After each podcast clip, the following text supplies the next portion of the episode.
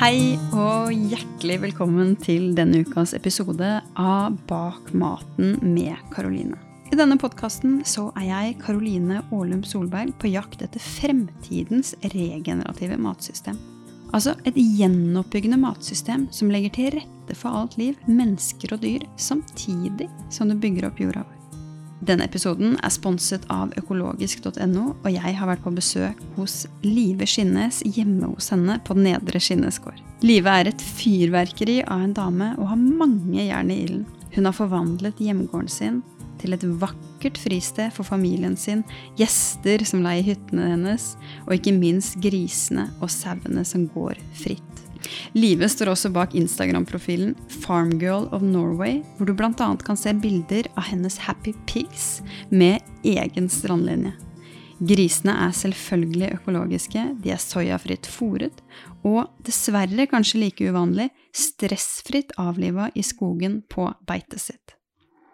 I denne episoden deler Live hvorfor hun setter dyrevelferd over alt, hvorfor hun velger å slakte grisene sine hjemme, og tankene hennes rundt dagens griseproduksjon, og hvor vi skal ta matsystemet vårt i fremtiden. Og du, før episoden begynner, visste du at jeg har et nettkurs hvor jeg deler alle mine viktigste verktøy for å leve et regenerativt liv? Her har jeg kokt ned all min visdom og livserfaring til et kurs som kombinerer innsikter om mat, landbruk, personlig utvikling og spiritualitet. Så du kan gjøre verden til et bedre sted gjennom å gjøre det du kan best, nemlig å være deg selv.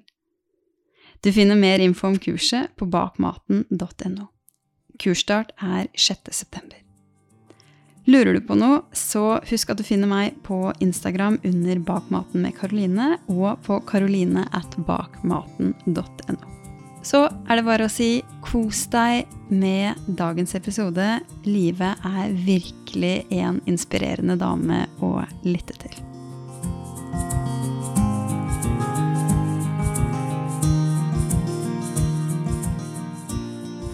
Hei, Live. Velkommen på podkasten.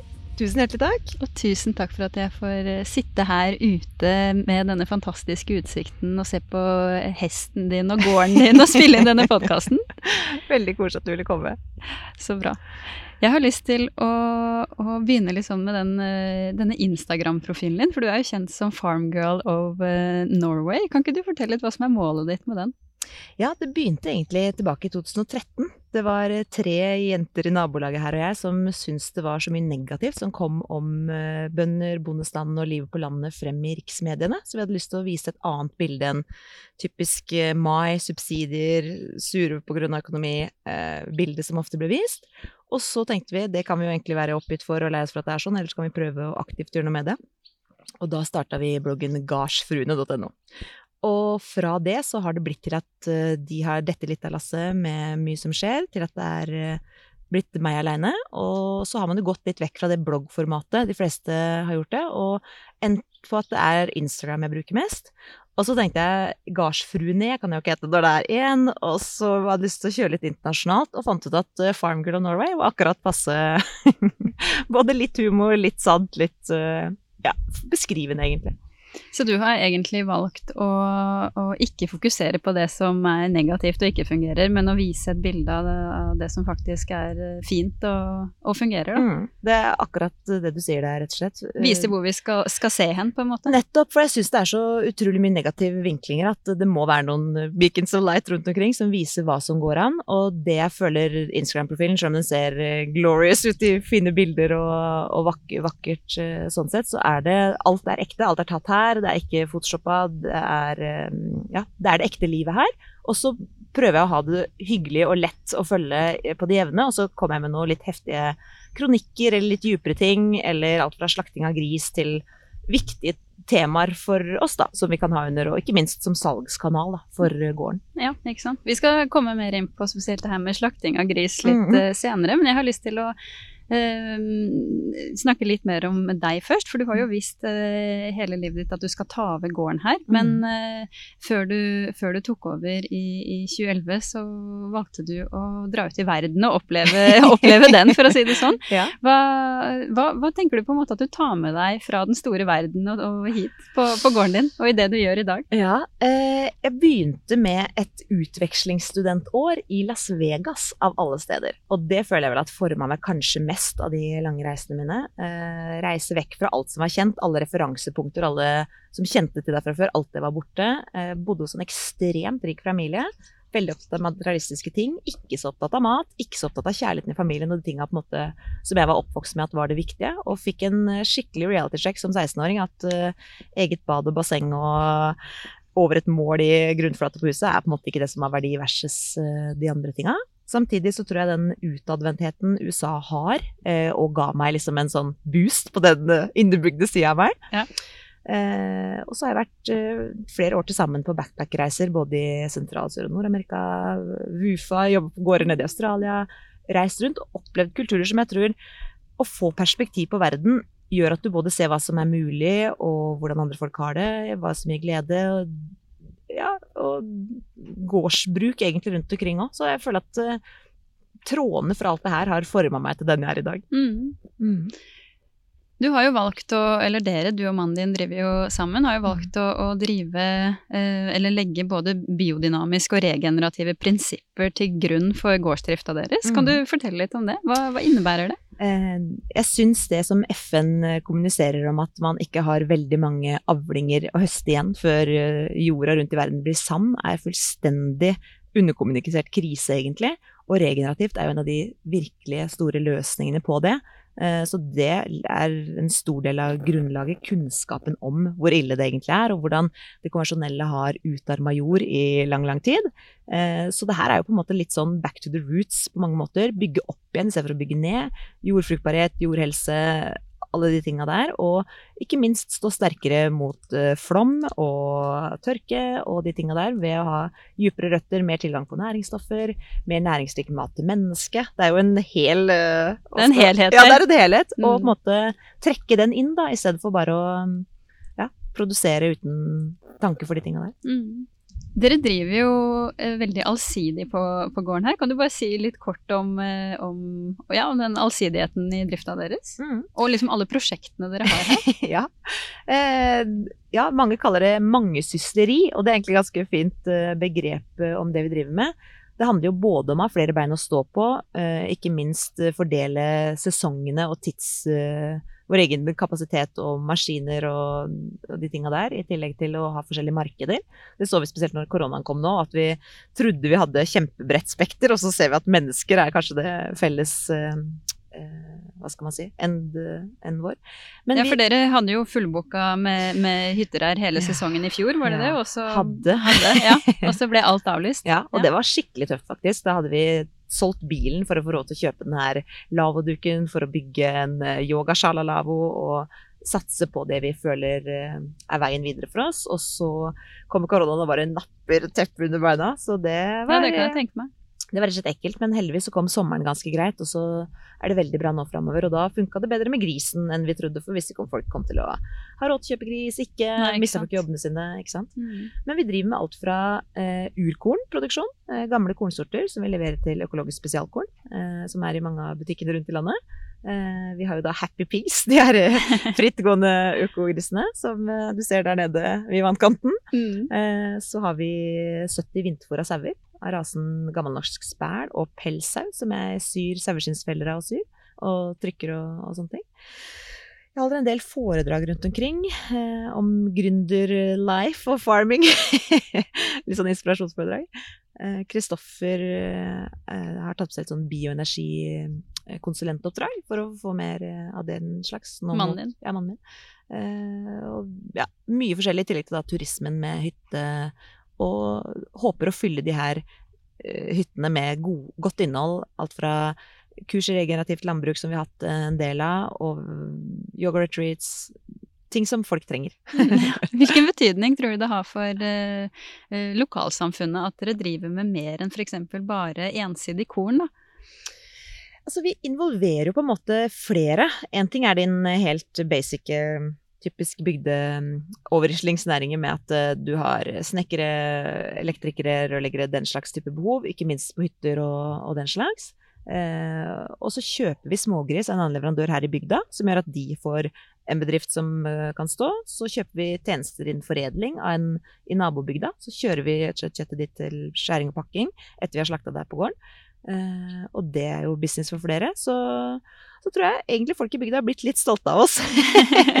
Fordi vi har lagt oss såpass langt ut på dyrevelferdsskalaen, og at de ser på en måte at det vi gjør er med uh, et rent hjerte og ønsker vel, da. Mm. Det er eh, egentlig dyrevelferd, og spesielt gris, som jeg har lyst til å bruke mest tid på i dag. Og som mm. du var inne på her, så, uh, så, har jo dere som mål å bli best i verden på dyrevelferd. Hvorfor det? Don't settle for second best. Nei, vi satt og tenkte sånn, hva er det vi skal bruke livet vårt på, hva er det vi skal gjøre, hva er det vi har lyst til? Og så, fra jeg var helt liten, så har vi hatt 40 griser gående bak låven og slakta de hjemme og alt sånn. Så jeg har hatt mye erfaring med å drive med ut, utegris og slaktegris på den måten. Så begynte vi med det. Fikk 13 griser når vi flytta hjem. Økte til 15 og 20 og økte sakte. Brukte mobilslakt, det er rundreisende slakteriet. Så ble mobilslakt lagt ned, og da telte vi vel på knappene. Skal vi legge ned? Skal vi bygge et slakteri? Hva gjør vi? Fordi vi kjente at den delen var så viktig for oss. Å gi de eh, leftovers fra kornproduksjonen vår, avrens eh, ja, og, og, den slags dyrefòr. Eh, og den helhetlige tankegangen var viktig for oss, da. Og så så vi litt rundt åssen andre dreiv, og åssen verdensmarkedet var, og prosenter av hvem som egentlig dreiv med hva. Og så fant vi ut at det er ingen som vi ser som har lagt seg helt ytterst på skalaen mot egentlig ikke, Verdens beste. Ja. Skjønner at det er et uh, big hairy goal, men for oss som hadde studert begge to har en mastergrad og lyst til å måtte lært av ledestjerner og ha noe å strekke seg mot, at det er vårt mål. Vi har lyst til det. det er, eh, vi sier ikke at vi er der, men vi ønsker å bli der. Og alle avgjørelser vi tar, sjekker vi inn på en måte, får det oss nærmere eh, målet vårt, og ja. Men hvorfor er eh, dyrevelferd viktig, tenker du? Kanskje litt sånn eh, simpelt spørsmål, ja, men vanskelig men også. Men det handler jo om altså, hvordan vi behandler dyr, hvordan vi behandler mennesker rundt oss. Jeg syns det sier noe om hele åssen vi er som samfunn, egentlig. Eh, jeg syns at eh, man må se på hva som er naturlig for et dyr i utgangspunktet, og så bør man lage et system rundt hva er det hva er eh, de iboende behovet det dyret har, da. Og det anser jeg som dyrevelferd.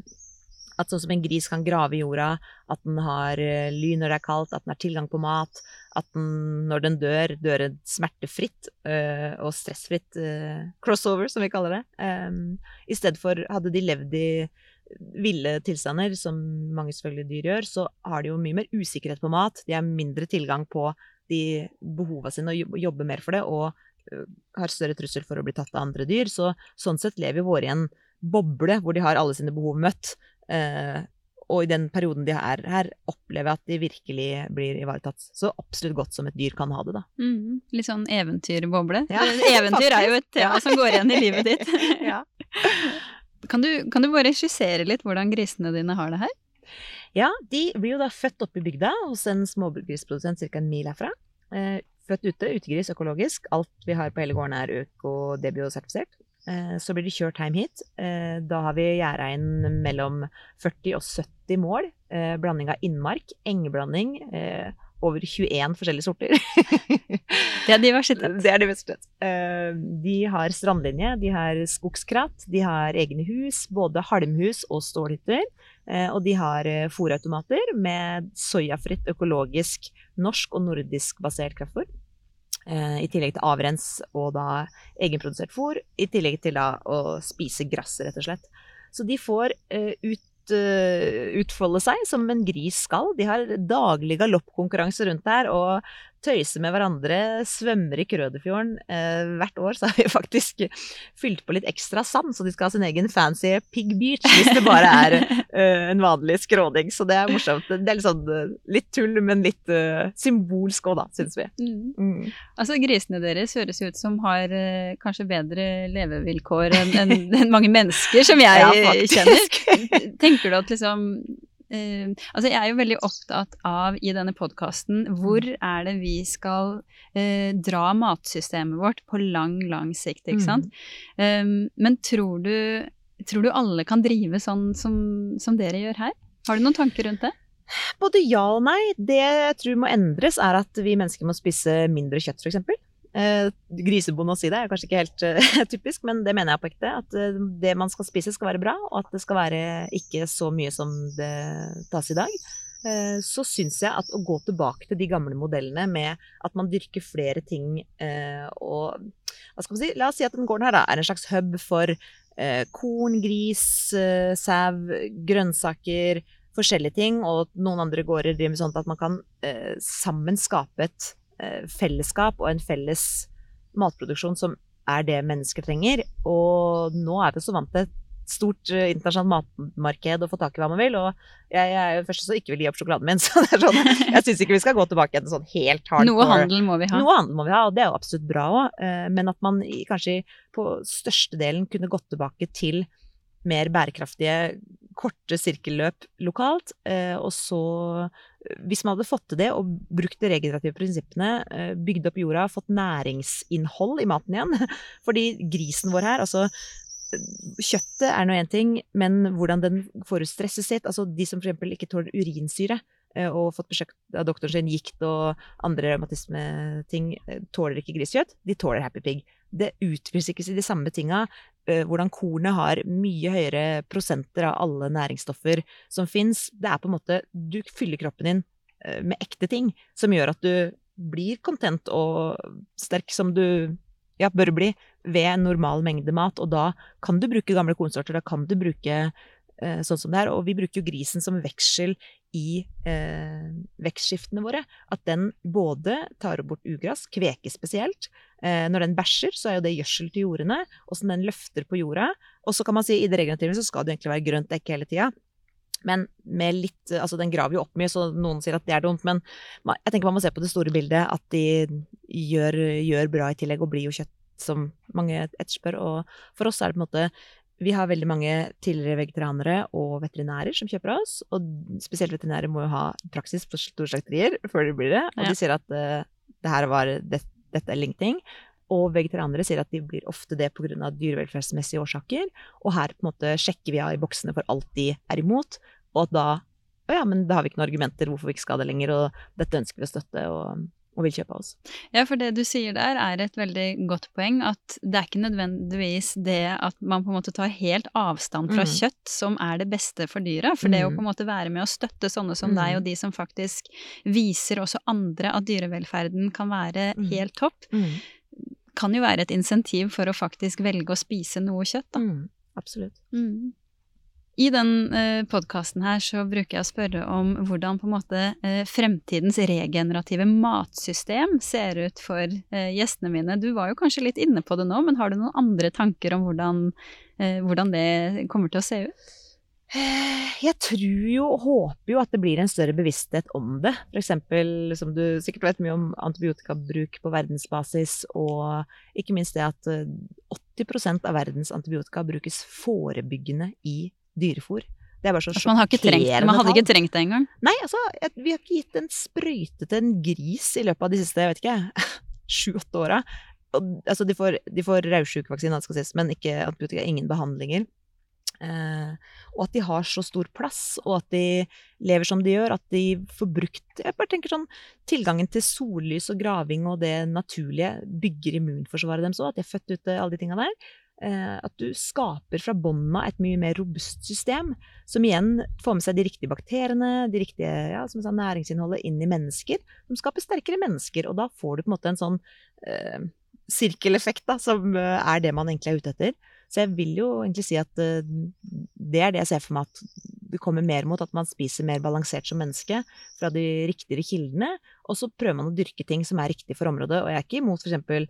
at man får til drivhus i Norge som er og dyrker ting som ikke tradisjonelt har vært dyrka her. Og du ser åssen nå i Lier åssen de kan dyrke druer med samme klima som champagne hadde for 150 år siden. Det er jo endringer rundt omkring. Så det er ikke sånn at det der kan du ikke gjøre der, for det var ikke her for 150 år siden vi må tilpasse oss og se. Og vi har f.eks.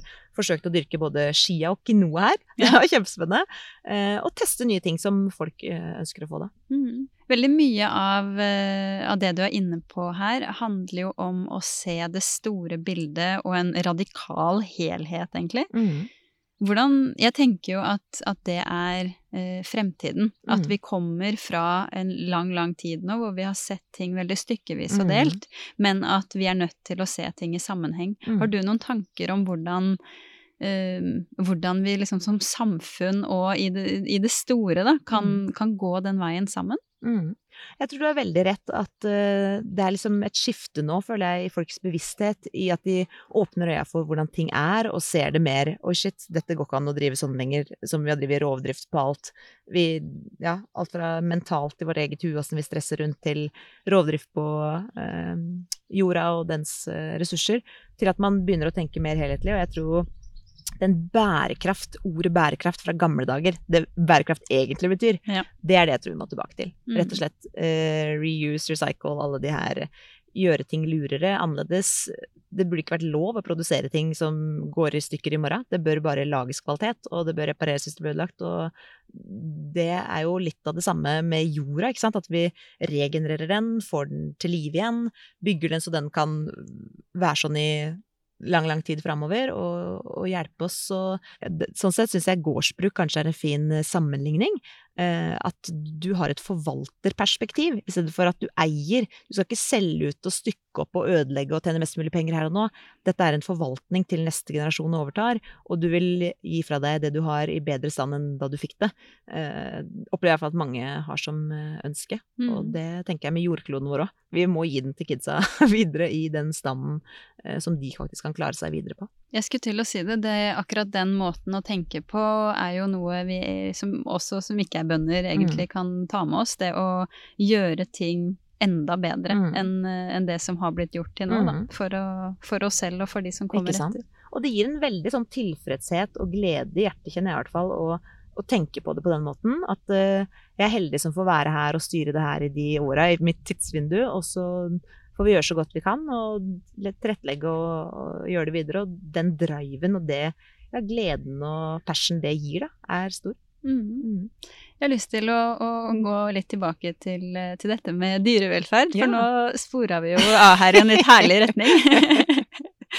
Men altså den eh, avstanden mellom det du skisserer på gården her, og Mm. spesielt liksom dyrevelferden her, og hvordan grisene dine har det her, Mm. den står jo i veldig sterk kontrast til eh, gjennomsnittsgrisebonden i Norge. Mm. Kan du si litt om eh, bare sånn for de som ikke er så kjent med det, hvordan, hvordan har en vanlig gris det eh, i dag? Gjennomsnittsgrisen?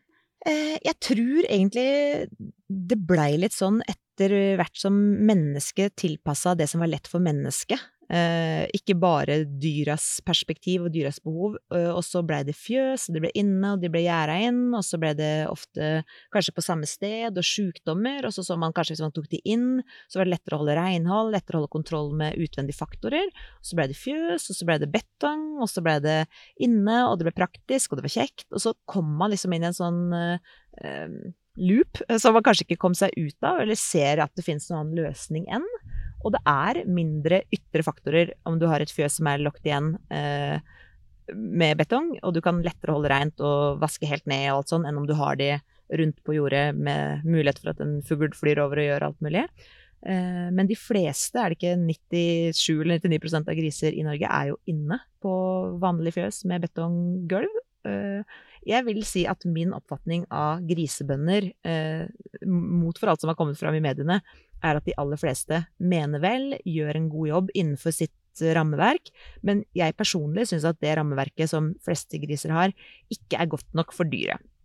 Det kan man jo være enig eller uenig om, men jeg ser òg at sånn som oss, da, som har lagt oss helt ekstremt ytterst på skalaen, vi har ikke så mye salg, vi har ikke så mange som handler, og du ser det er helt drama og hyl i alle kommentarfelt når noe kommer fram, men on the end of the day så opplever jeg at veldig få følger opp med handling etter sin holdning på hva de sier. Altså forbrukere som Forbrukere. skriker og Ja, skriker og hyller og De, det er de, de kjøper ikke det de Nei, står for. Da burde jo vi hatt ventelister herfra til månen og hatt uh, franchisa hele Happy Pig-konseptet til resten av bygda. Ja. Uh, og det har vi ikke. Men eh, vi har bygd oss opp sakte og ønsker ikke å bli store heller, fordi vi ønsker å ha det økologiske grunnlaget her i bånn. Så vi kan absolutt ha litt flere enn det vi har i dag, men eh, et vanlig konsesjonsfjes er det 2100 griser de har i året da, eh, av smågris, og vi har her økt, da, som jeg sa, sakte fra 15, 20, 30, 60 til å ligge på 110, 170 i fjor, og nå i år opp mot 200. Mm. Eh, så det er jo stort til å være liten, men liten til å være stor. Ja. Men jeg syns jo det du tar opp her med eh, den derre avstanden mellom folks verdier og de Mm. valgene de Mm. egentlig tar, er veldig interessant. Har du Mm. noen tanker om hvorfor, den, hvorfor det er egentlig en avstand der, og hvorfor folk liksom ikke handler i tråd med verdiene Ja. sine? Jeg tror at hvis det hadde vært veldig mye lettere, hvis du hadde kunnet gått på butikken, det kosta det samme, det var helt, lå på samme sted, og alt var like greit, og du visste mye, så ville nok de absolutt fleste valgt uh, Happy Pig-choicen, på en måte. Uh, men sånn som nå, da, vi selger hele halv- og kvartedyr. Det er ferdig innpakka som en vanlig butikkpakke, og du får det helt fresht som du putter rett i fryseren og alt sånn. Men kanskje du tenker at å, det her virker uoverkommelig. Hvor mye er en kvart gris? Jeg har plass til det. Hvor skal vi hente det? Blir det mye penger ut på en gang? Men prisen per kilo, hos oss nå er det 140 kroner kiloen. Og det er jo ikke, hvis du ser i butikkene, så er det jo ikke sånn at det er så stor forskjell eh, som sluttproduktet, men du må ut med en 5000-6000 på én gang. Um, så jeg tror at det er ukjent, at det er eh, litt utilgjengelig kanskje, eh, nytt, og at man eh, ja, jeg tror folk er stressa med hverdagen sin, har for mye ting å tenke på. At de, altså, har de et uh, sabbatår, da, av en eller annen slag, så kanskje de har litt sånn ok, nå skal jeg roe meg ned, nå skal jeg gjøre det, og da begynner de kanskje alt fra å bake til å ha egen kjøkkenhage, at den sida de får blomstre mer, men i en hektisk hverdag så blir det kanskje too much. Det er nesten mitt inntrykk, faktisk. Ja. Eh, det er ikke vond vilje eller at de Ja, altså, økonomi spiller absolutt også inn. Er det mange som har sabbatår? Burde man ikke det? jo, jeg syns det, men eh, ikke noe jeg tenker er så vanlig. Jeg har faktisk eh, flere venner, og vi har jo gjort det sjøl før vi kom hjem hit og hadde sånne reiseår, sabbatår, gjør gjøre noe annet, lære. Og vi tar inn en del eh, folk som jobber her på gården eh, for kost og losji. Og de har sånne år hvor de ja, bare gjør noe annet, stopper i livet sitt og sier nå må vi ta en eh, check-in her, hva vi egentlig vil drive med, kommer og jobber på gården, kanskje vært utbrent, eh, trenger å gjøre noe annet. Eh, ja, mange grunner til det. Mm. I den podkasten her så er jeg jo egentlig radikalt opptatt av, eh, av helheten, Mm. og også hvordan vi som mennesker må ta vare på oss selv hvis vi skal være en forandring i, i denne konteksten, da, i, Mm. i dagens eh, matsystem. Mm. Hva, hva tror du er betydningen av å ta et sånt år, eller altså ta seg en pause, da? Jeg tror det er helt fullstendig avgjørende for at man klarer å ja, holde seg på en sti man ønsker å være. Det må jo ikke være et år, det kan jo være en måned, en uke, en periode. At man fokuserer på den balansen og stopper helt opp uten stress rundt, uten kids og matlaging og hus og hjem og jobb og lån og sånne ytre ting som ofte ja, gjør at man ikke får den roa. Man kan jo finne det gjennom andre ting eh, enn å ta et fullt år, selvfølgelig. Men eh, jeg tror at det connecter folk tilbake igjen til sin egentlige sjøl, hvis du Mm. kan si det sånn. Mm. Ja, roa og fritida og bare, ja, til å finne balanse. Mm. Vi er nok ikke skapt som mennesker for å gjøre så mye og ha så høyt tempo som det veldig mange har i dag. Ja. Og det, det er nok som du sier, at det tar oss litt vekk fra, eh, fra oss sjøl. Ja. Mm. ja, bare hvor raskt det har gått, da. Tenk fra vi var alt fra svira rundt som steinaldermennesker og hunters and gatherers og de tinga der, til vi begynte å bygge samfunn og de siste byer og industriell revolusjon, og hvor bare de siste 20 åra hvordan det har eksplodert med nye ting vi må forholde oss til. Og de primal- og urinstinktene våre og biologien vår har kanskje ikke endra seg noe særlig, men så har de ytre eh, rammene for våre liv endra seg så enormt mye Mm. at vi ja, ser bare på statistikker over depresjoner og slite med å finne seg sjøl, da. Hvor, hvor måte vanskeligere det blir når man blir disconnecta fra naturen og alt annet tar ens fokus. Så Mm. Ja, for vi bor jo i Altså vi, jeg sier vi fordi jeg bor i by, og Ja. veldig, veldig mange bor i byer nå. Mm. Og det, det å også liksom være så langt fra naturen tror jeg også mm, spiller en viktig rolle. mm, det tror jeg virkelig. Men jeg har lyst til å, å, å gå tilbake til dette med, med slakt, Mm. som, du, som du nevnte eller snakka litt om innledningsvis. Mm. Og eh, flere ganger så har jo du eh, vist slakt på Instagram. Mhm. Hvorfor har du valgt å gjøre det? Nei, altså, jeg syns at uh, når man gjør en ting, så må man på en måte være litt uh, bevisst i det man gjør. Og for eksempel hvis man skal spise kjøtt, som da hvor mange prosent i Norge? Er det 2-5 prosent som er vegetarianere, resten er ikke det? Når så mange prosent spiser kjøtt, og den metoden vi har funnet for avliving og slakt, er den, som jeg sa, lengst ut på dyrevelferdsskalaen, det mest skånsomme for dyret eh, som fins. Eh, hvis ikke folk da tør å forholde seg til, tør å innse at kjøtt er dyr, alt sånt, så kanskje de må ta en liten, liten tankerekke med seg sjøl. Hva er det jeg driver med i mitt liv? Er det dette jeg vil støtte? Er det sånn jeg vil ha det? Og hvis de ikke orker på en måte å se det Jeg sier ikke at man må se det, man, alle gjør som de vil, selvfølgelig, men uh, jeg føler at uh, vi kan legge det ut, si sånn gjør vi det. Uh, det legges ut filmer av f.eks. gassing av gris. Du ser at den kveles, den har det obviously ikke godt. Dette er en metode hvor grisen kommer ut av huset den egentlig bor i, går tre meter, spiser litt kraftfôr, er borte på 0,01 sekund av vi som kjenner den best, hjemme. Så Hvordan avliver dere?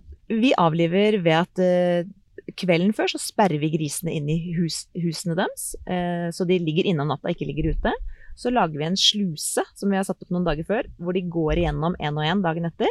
Eh, og da er de litt grann sultne, for de har ikke fått frokost. Så da er de litt motiverte til å eh, rusle ut den slusa. Så får de litt kraftfôr på en liten platteng. Og så er det en kjempesterk strømtang som gir de først strøm over kjakan. Og så hvelves de over på sida, og så får de strøm over hjertet. Og så har du 25 sekunder til å øh, smekke på en kjetting rundt bakbeinet, heise den opp over en 1000-literstank og blø den ut. Så den kliniske dødsårsaken er bløing, men det er strømmen som gjør at den blir borte.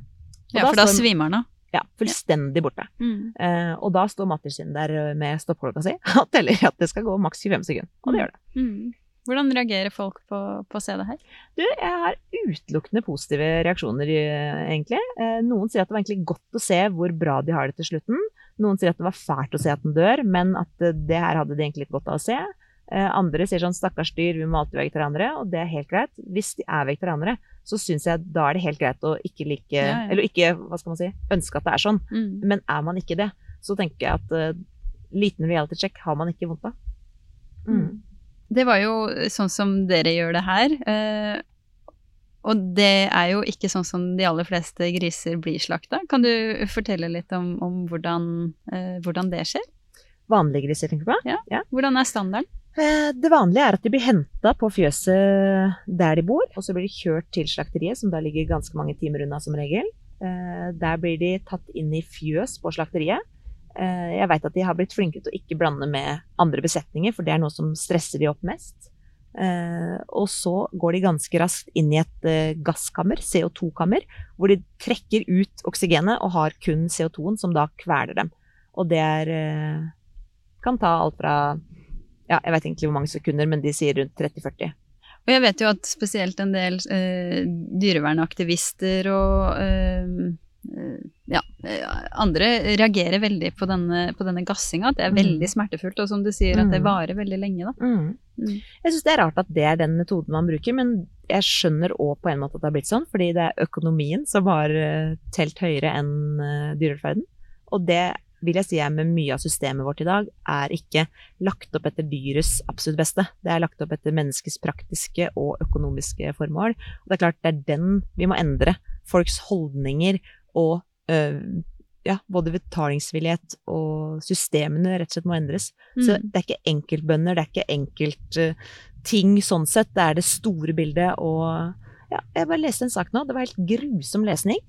Hvis du bygger et nytt grisefjøs i dag, dog inne da, men uh, uansett. Hvis du bygger i dag det minimum du trenger, så kommer du til å ha en minus 66 kroner i timelønn fra nå og for alltid. Hæ? Jeg fikk helt sjokk. Så ble jeg sånn Det er jo så jævlig dårlig økonomi at det er ikke rart at du på en måte sitter i en felle, og så investerer du kanskje en åtte-ti millioner da, og blir på en måte fanga i det her systemet. Og om du så underveis skulle ønske å endre det, så går det nesten ikke. Fordi du sitter i saksa, og det er så dårlig økonomi. Så at folk bare 'Å, det er dårlig økonomi, og det forsvarer ingenting'. Men det gjør på en måte det. Mm. Fordi du må jobbe andre steder for å tjene nok penger for å drive med matproduksjon til det norske folk. Og det er jo ikke riktig at det skal være sånn. At det er på en måte så lavt på rangstigen både i status og økonomi. Da, at det ikke går an å få det bedre.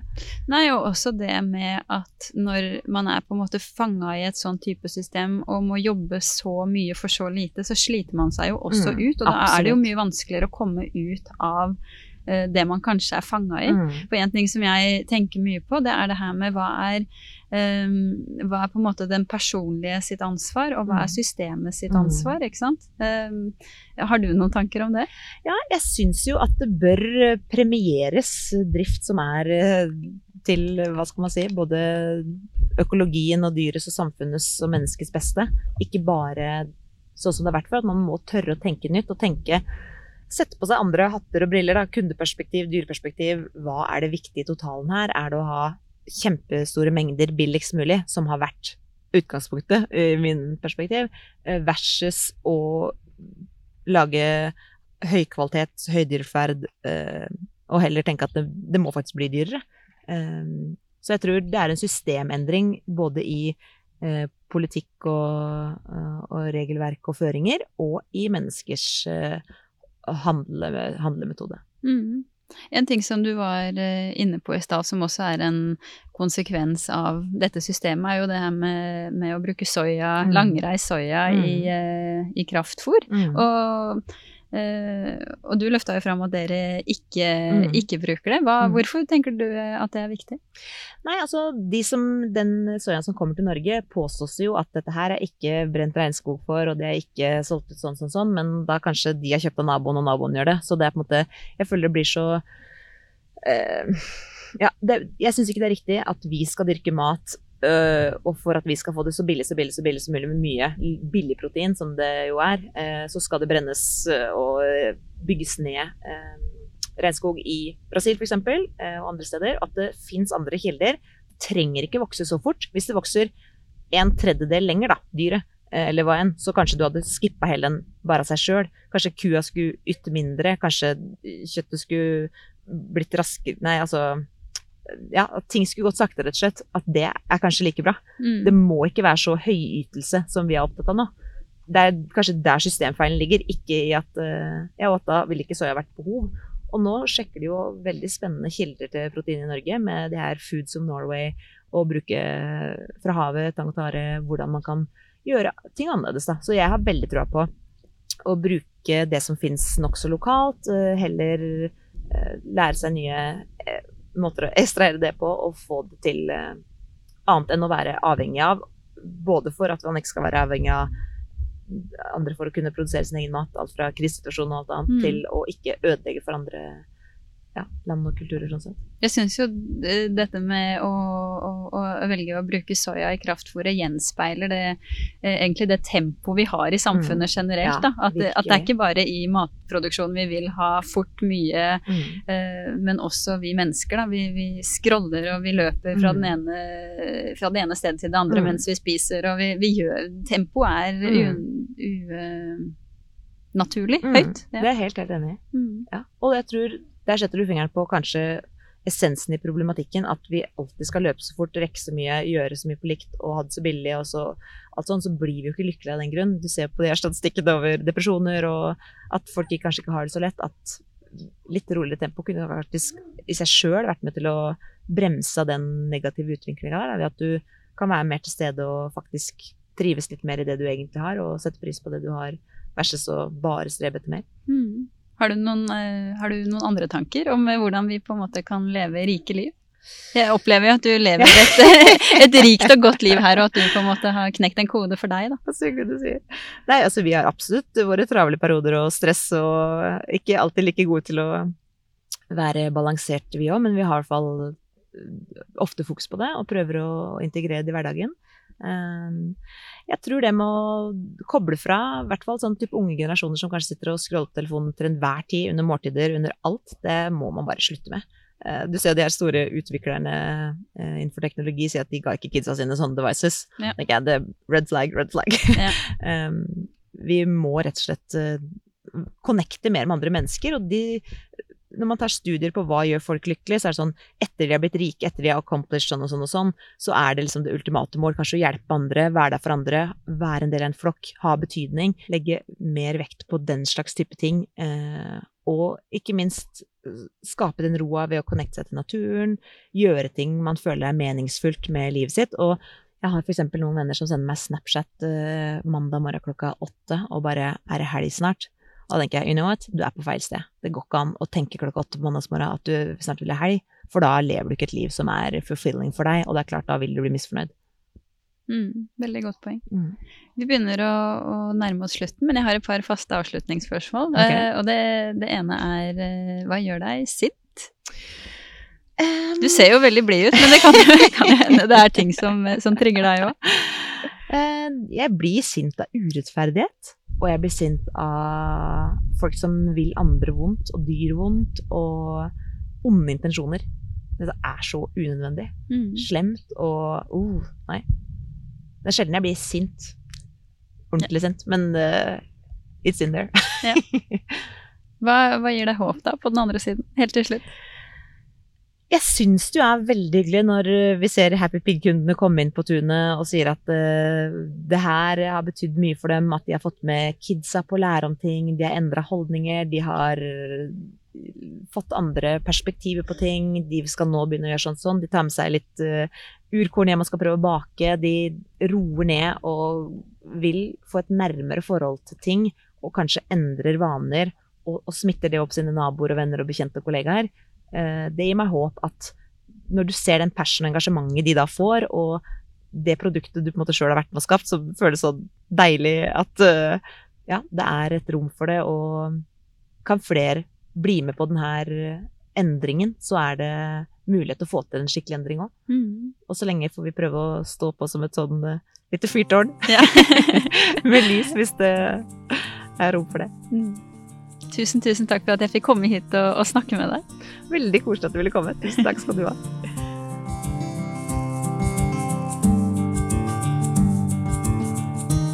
Takk for at du hørte på denne episoden, som er laget av meg, Karoline Aalum Solberg, med midler fra økologisk.no. Musikken er produsert av Creo og Liro Sever. Lurer du på noe, så finner du meg på Instagram under Bak maten med Karoline, og på karoline at bakmaten.no. Vi snakkes.